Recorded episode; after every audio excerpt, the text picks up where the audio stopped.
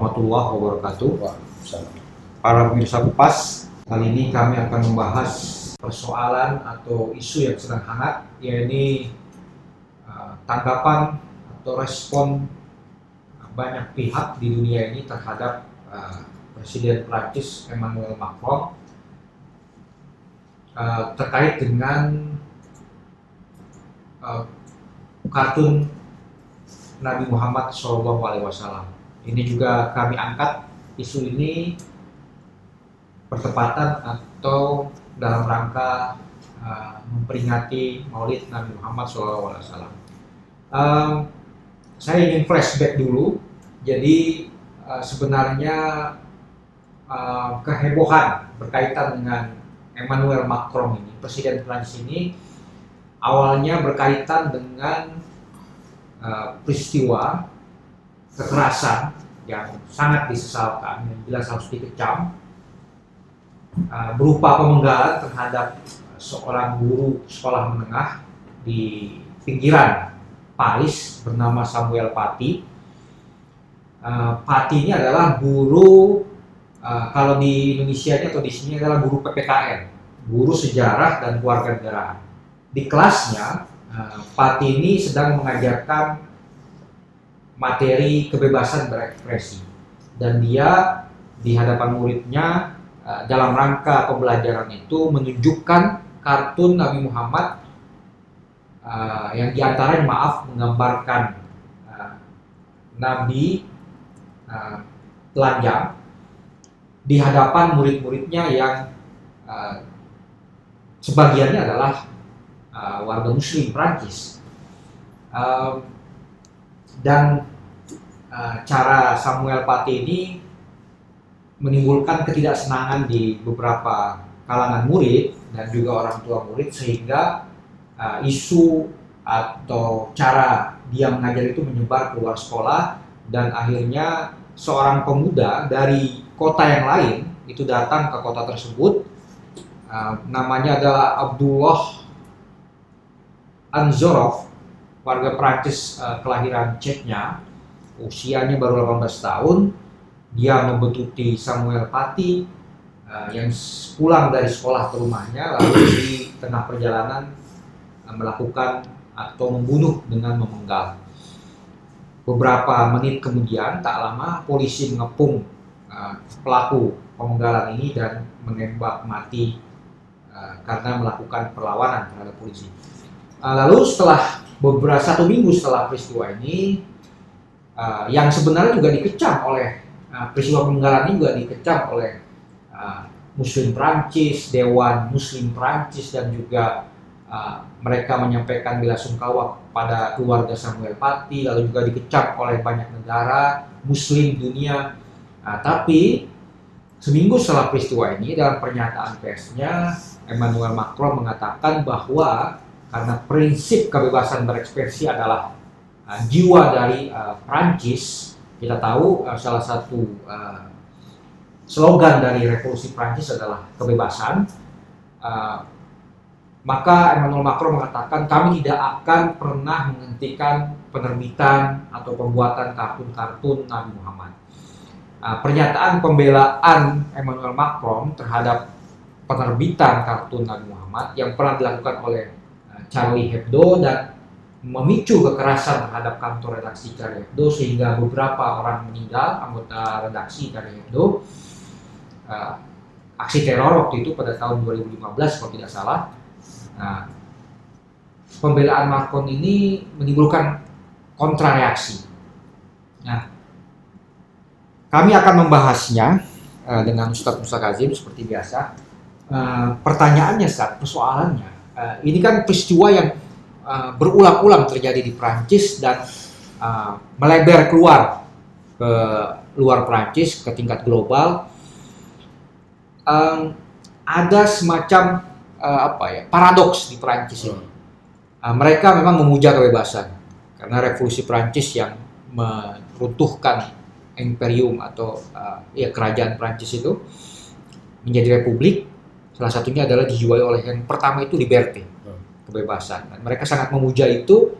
Uh, Mereka sampai menerima salah satu negara Eropa, bahkan mungkin yang paling banyak menerima imigran Muslim dari uh, negeri-negeri Muslim.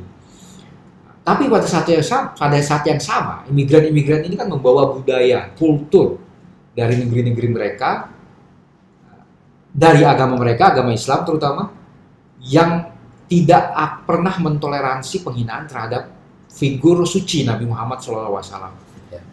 Sementara di Prancis agama itu jadi dianggap sakral. Hmm. Nah, sebuah peristiwa yang terus berulang dan kita kembali kepada uh, apa perdebatan antara kebebasan berekspresi dan penghormatan terhadap uh, simbol-simbol uh, agama ini bagaimana?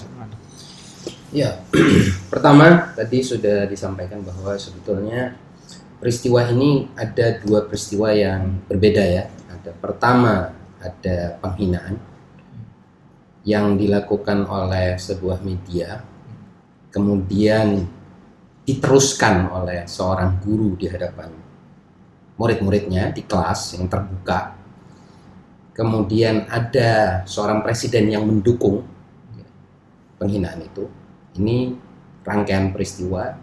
Lalu ada kejahatan berupa pemenggalan. Ini peristiwa lain yang merupakan reaksi terhadap peristiwa penghinaan ini atau rangkaian peristiwa penghinaan itu. Kita sudah katakan bahwa dan semua saya kira orang berakal beragama mengecam pemenggalan yang sepihak kan itu seperti penghakiman perbuatan sepihak terhadap kejahatan yang itu juga kejahatan jadi kejahatan tidak bisa dihentikan dengan kejahatan lain ketika anda tidak adil melakukan pembunuhan terhadap orang yang tidak melalui proses hukum berarti anda sedang melakukan perbuatan yang tidak adil dan itu juga kejahatan tapi ada rangkaian perbuatan kejahatan lain berupa penghinaan. Nah, kita dalam menghadapi rangkaian perbuatan yang pertama, yaitu penghinaan itu, kita dihadapkan pada pertanyaan apakah apa reaksi kita? Apakah kita biarkan itu saja. Berlaku begitu saja, atau kita sikapi dengan kecaman, kutukan, laknat atau apa pun namanya dalam Al-Quran istilahnya itu laknat atau dalam istilah bahasa sekarang bahasa internasional itu kecaman ya.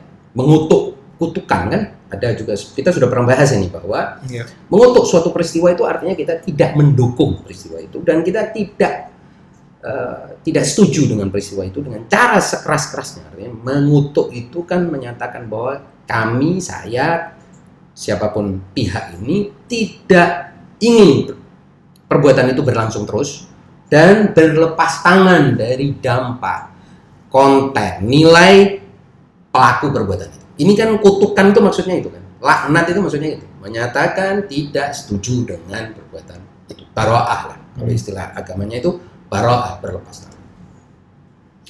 Nah, kutukan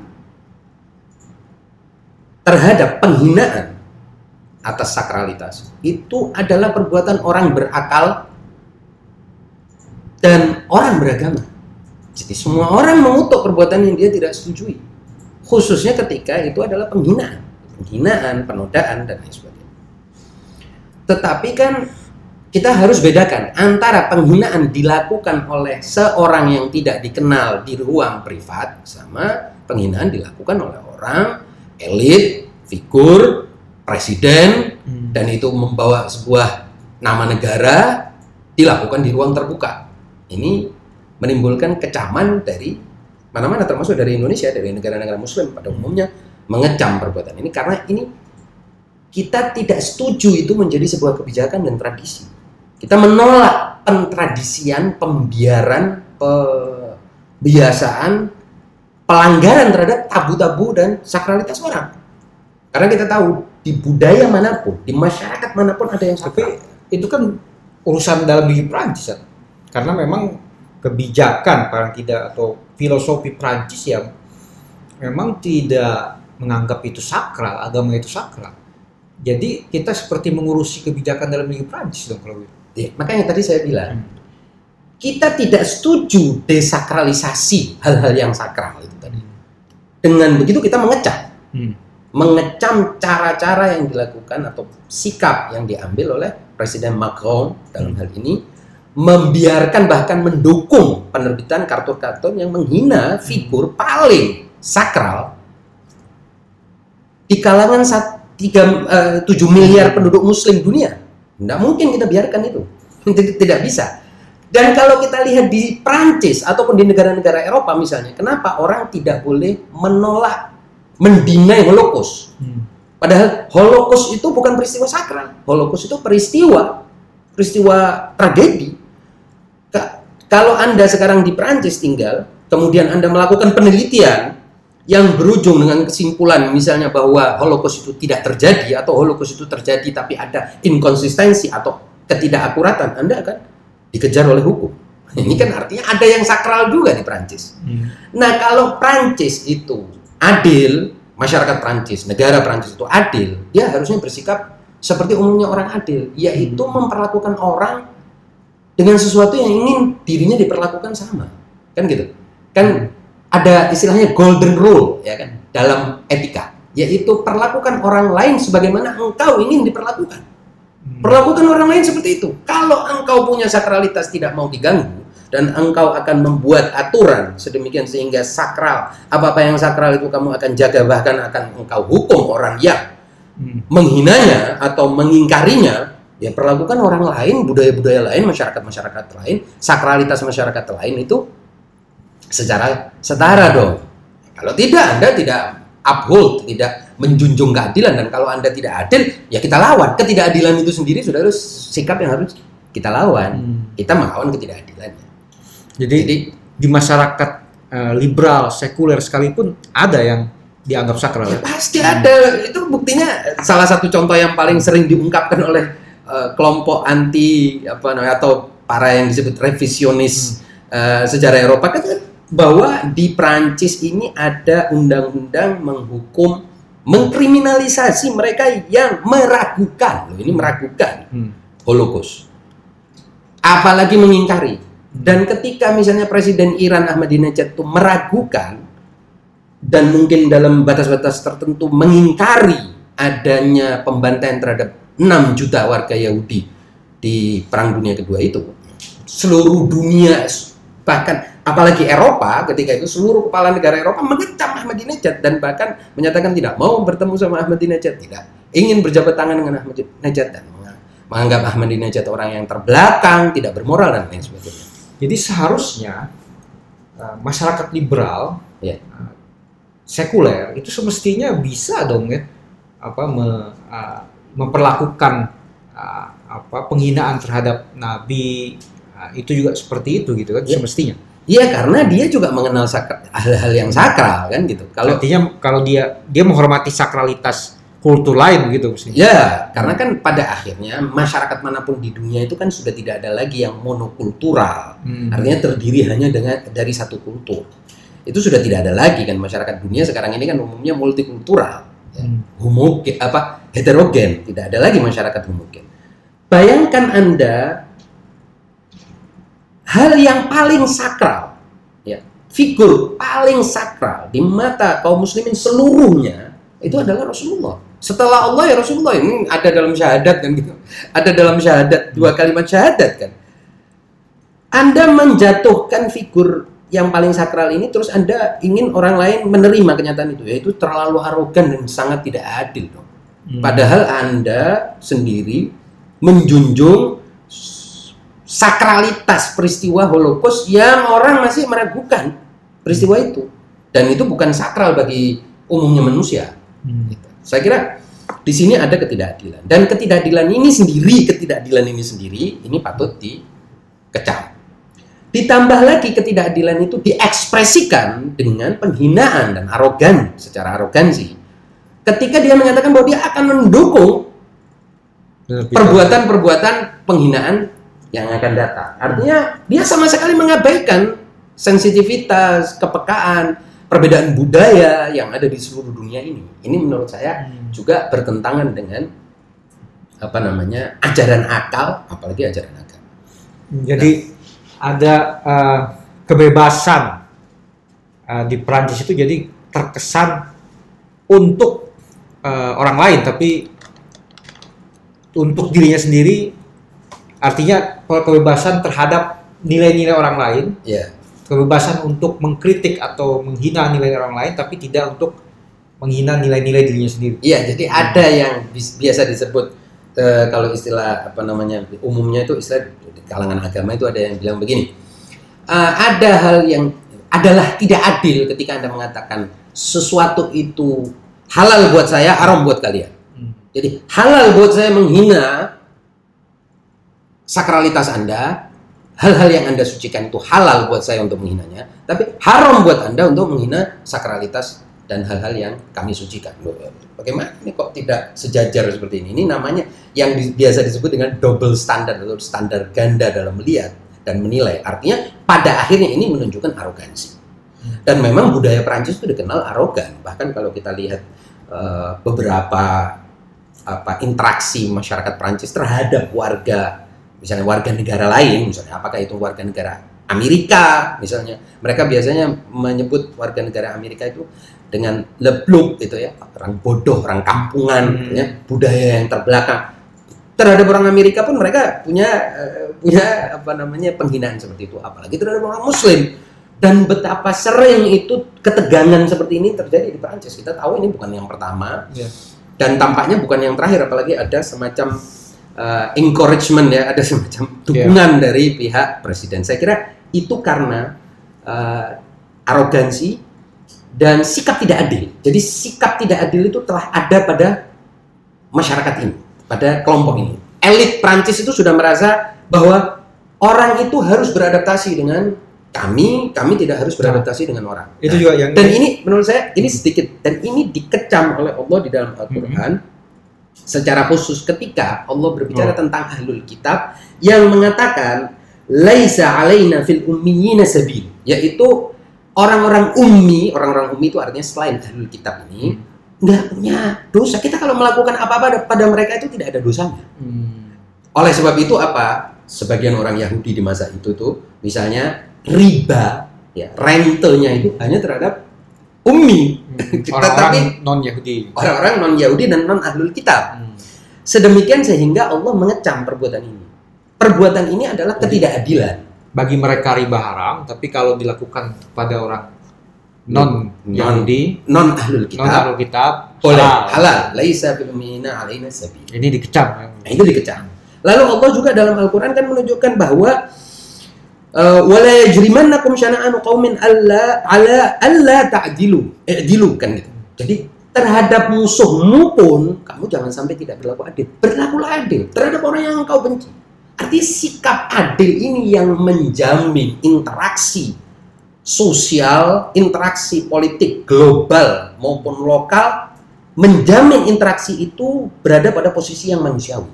Tapi kalau sudah tidak adil, baik dalam pikiran maupun sikap, apalagi perbuatan, maka interaksi ini akan selalu mengalami ketegangan bahkan kekerasan. Dan itu terjadi di mana pun di seluruh dunia.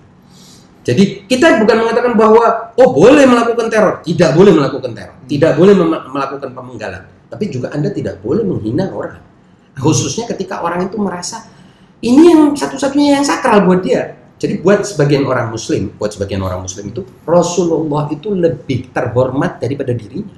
Anda boleh jadi mengecam diri Anda, eh, mengecam diri orang Muslim, dan dia tidak tersinggung. Tapi kalau Anda mengecam Rasulullah, dia akan tersinggung. Sedemikian tingginya kesucian Rasul di hadapan banyak orang. Karena apa?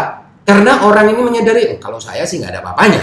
Tapi kalau Rasul pasti suci. Nah, ini juga saya menarik ingin menanyakan kepada Ustadz. Eh, ada eh, pandangan gini, Hmm. Nah, kita sebagai Muslim itu eh, nggak harus marah kalau Nabi dihina. Eh, Nabi sendiri kan di- pernah dihina zaman eh, ya ketika hidup oleh orang-orang Quraisy kan tidak marah. Kita juga nggak apa nggak perlu marah. Hmm. Ah, marah itu bukan tanda keimanan yang kuat, justru tanda keimanan yang lemah. Hmm. Hmm, Bagaimana? Ya, jadi begini, tadi kan saya bilang, Hmm. Ada penghinaan yang dilakukan oleh orang-orang yang tidak punya pengaruh Hmm.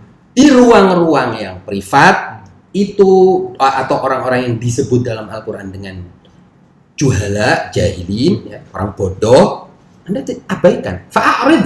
Hmm. Bahkan anjurannya adalah abaikan, jangan pedulikan mereka. Karena mereka tidak akan berpengaruh. Kalau Anda tanggapin, mereka akan punya pengaruh. Hmm. Jadi penghinaan itu sendiri tergantung pada siapa pelakunya. Hmm.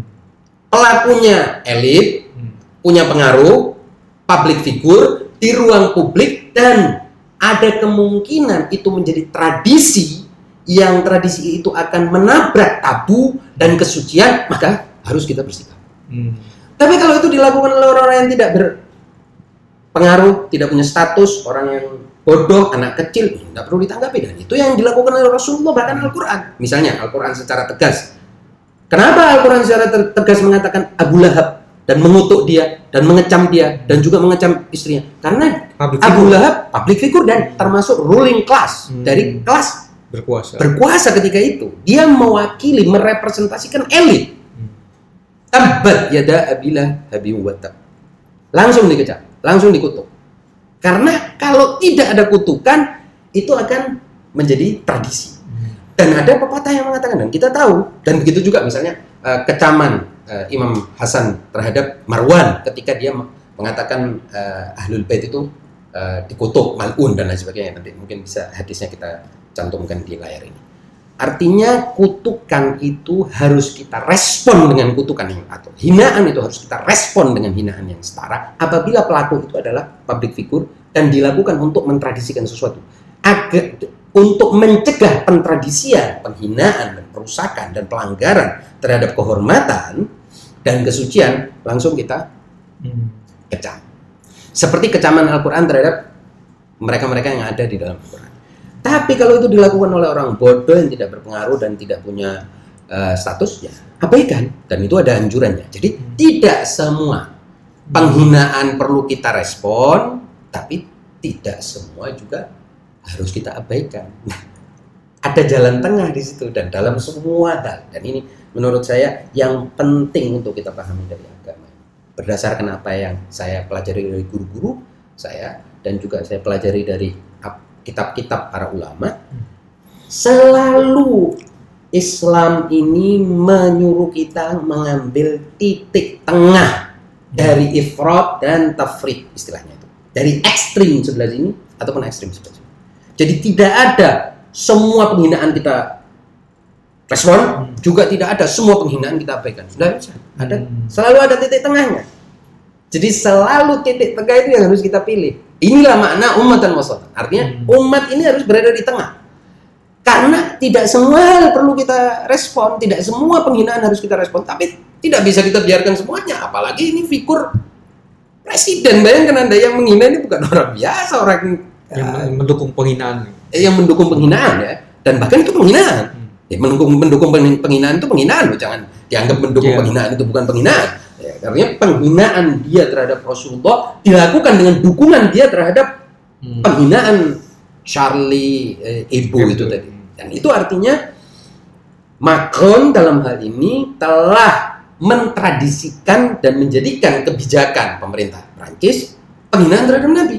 Ya harus dikecam ini. Hmm. Dan saya kira Iya. kita apresiasi misalnya pemerintah Indonesia dan semua negara Muslim.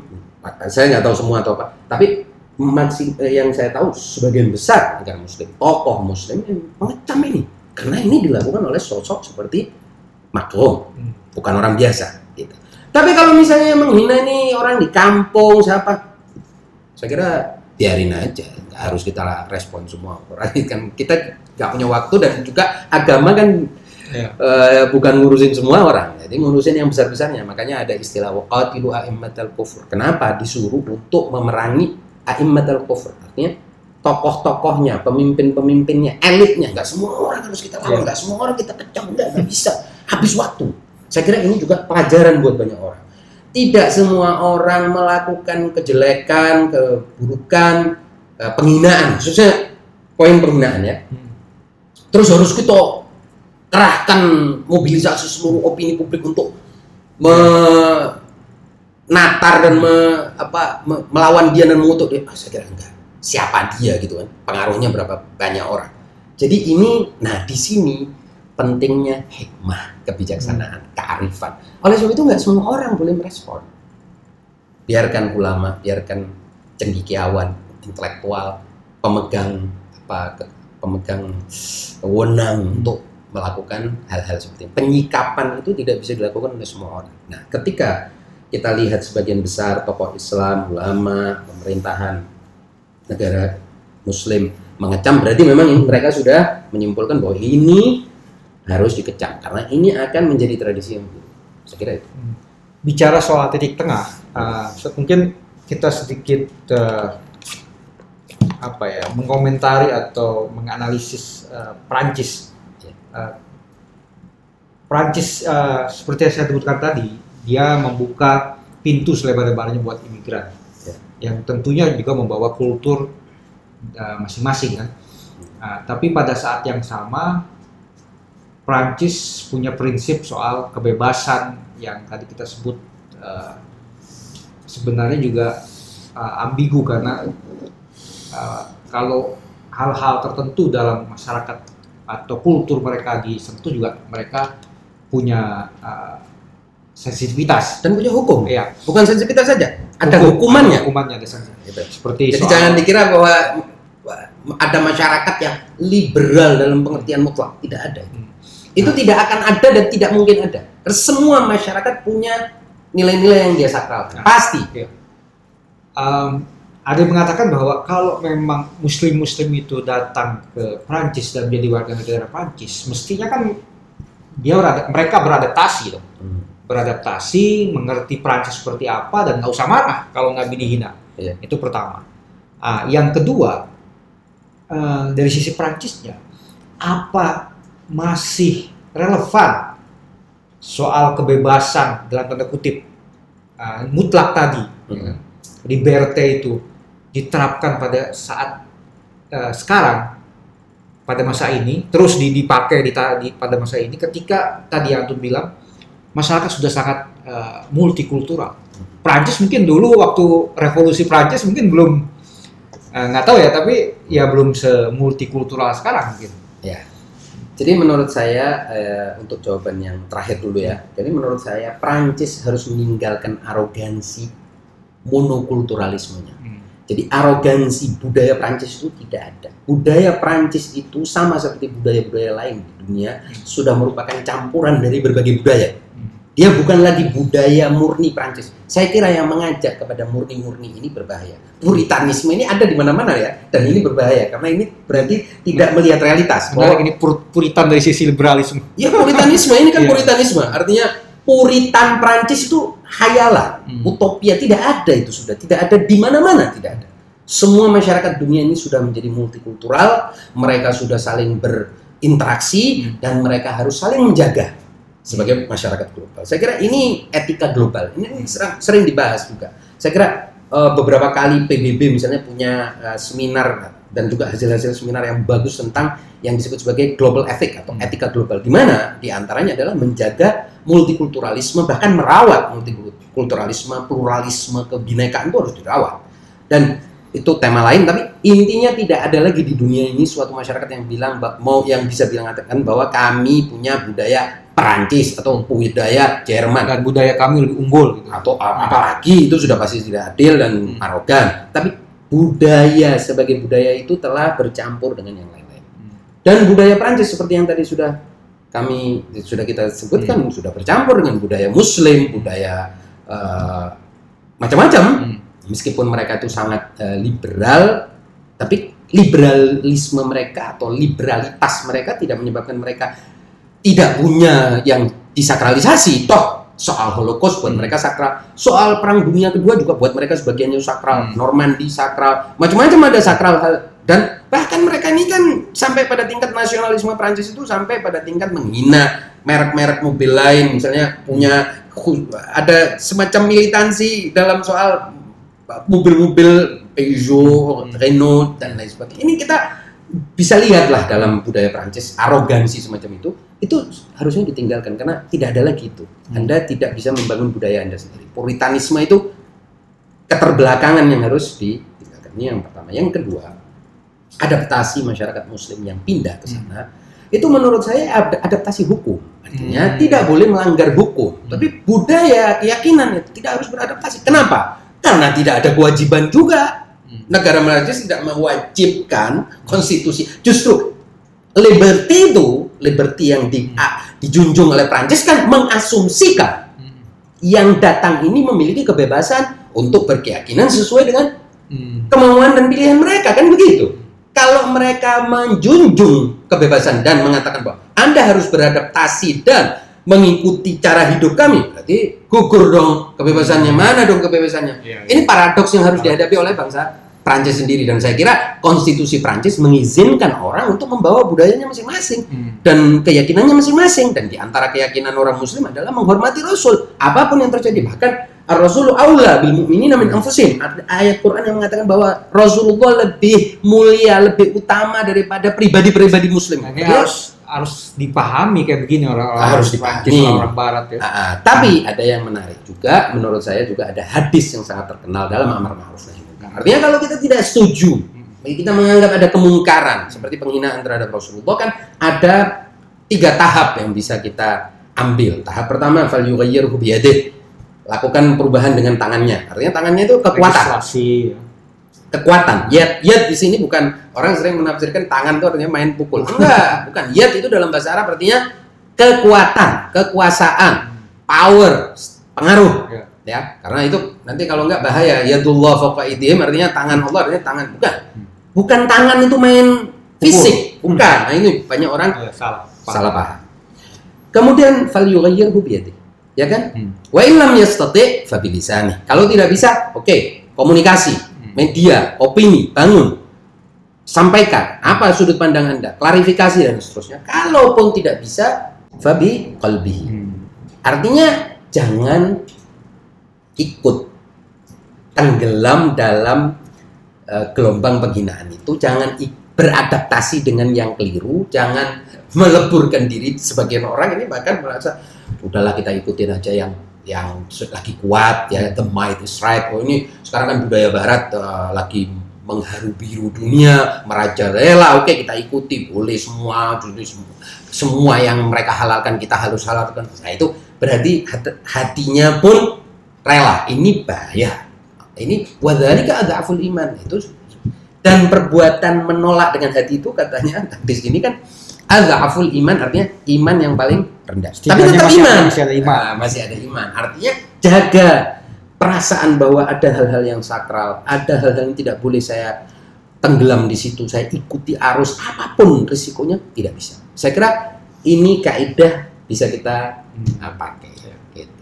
Baik, Seth. Ya. Terima kasih atas penjelasannya. Demikian para pemirsa, pembahasan kami seputar kontroversi dukungan Presiden Prancis Emmanuel Macron terhadap penerbitan kartun-kartun yang menghina Nabi Muhammad Shallallahu Alaihi Wasallam. Ehm, jadi baik eh, mereka masyarakat liberal Barat, terutama di Prancis, baik kita dan juga kita sebagai Muslim, semestinya mencapai titik tengah, saling memahami dan saling menghormati.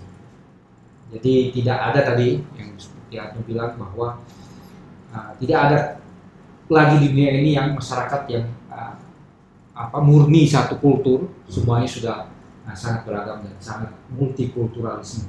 Demikian pemirsa pembahasan kami kurang lebihnya kami mohon maaf hidayah wassalamualaikum warahmatullahi wabarakatuh.